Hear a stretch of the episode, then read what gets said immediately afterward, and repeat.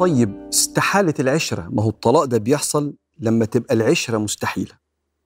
نسيب بعض وكل واحد يكمل حياته وإن يتفرقا يغني الله كلا من سعته. الشيطان ما يحبش كده. لازم يبقى فيه حس انتقامي وندفع بعض التمن غالي. وينتقل الإنسان من إنسان بتاع ربنا عايز يعيش في سلام لشخص انتقامي من أقرب الناس ليه. هي بتنتقم من جوزها بالأدوات اللي معاها كانت فلوس ولا العيال؟ وهو برضه بينتقم من مراته بالأدوات اللي معاه كانت فلوس أو العيال. وده بيدمر العلاقة بعد الطلاق. تقول لي طب ما مش مهم العلاقة بعد الطلاق أقول لك إزاي؟ حاجة من الاتنين يا إما بينهم عيال فالعيال بتتأذي جدا جدا لما يشوفوا الكبار بيفتروا على بعض كده أو خلاص يا سيدي ما فيش بينهم عيال ولا حاجة. بس من فضلك ممكن نسيب بعض ما نبقاش شايلين بعض على كتف بعض وإحنا ماشيين. يعني نزلها خلاص من على كتافك وانت نزليه من على كتافك. ما بقاش أنا خلصنا موضوع الجواز يلا كل واحد يبدأ حياته بسم الله ربنا يعوض. وأبقى أنا غرقان عايز إزاي أوجع؟ حد في يوم من الأيام كان أغلى الناس عليا. إحنا ديننا كده بيضيع. أول سبب بيخلي العلاقة تنهار بعد الطلاق صعوبة العشرة. أو صعوبة الطلاق.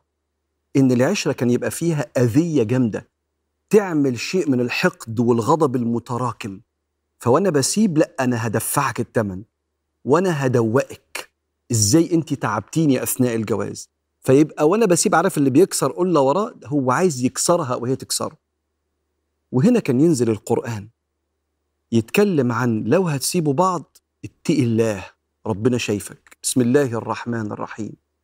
يا أيها الذين آمنوا لا يحل لكم أن ترثوا النساء كرها ولا تعضلوهن لتذهبوا ببعض ما آتيتموهن.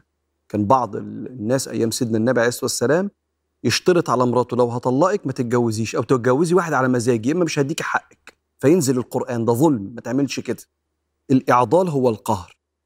وينزل القرآن وإن أردتم استبدال زوج مكان زوج وآتيتم إحداهن قنطارا لو هتنفصلوا وكل واحد يكمل حياته بس في حقوق مالية فلا تاخذوا منه شيئا. ما تحرمش مراتك من حقها. أتأخذونه بهتانا واثما مبينا؟ وكيف تأخذونه؟ وقد أفضى بعضكم إلى بعض واخذن منكم ميثاقا غليظا. معنى الآية إزاي بتفتري عليها وفي بينكم الميثاق الغليظ؟ قال أهل التفسير الميثاق الغليظ هو الاتفاق بتاع ربنا. امساك بمعروف أو تسريح بإحسان. نفس الكلام كان موجه للستات. لو انت هتطلقي احترمي جوزك اللي عشتي طول عمرك اللي فات على ذمته. سبب تاني بيخلي العلاقة تنهار بعد الطلاق هو التفكير القطبي ال polar thinking يا إما حبايب متجوزين يا إما أعداء وهندمك. وأنا كمان هندمك. وكأن البني آدم ما عندوش قدرة على تحويل مشاعر الحب لمشاعر مسالمة. هو يا إما حب يا إما ألم.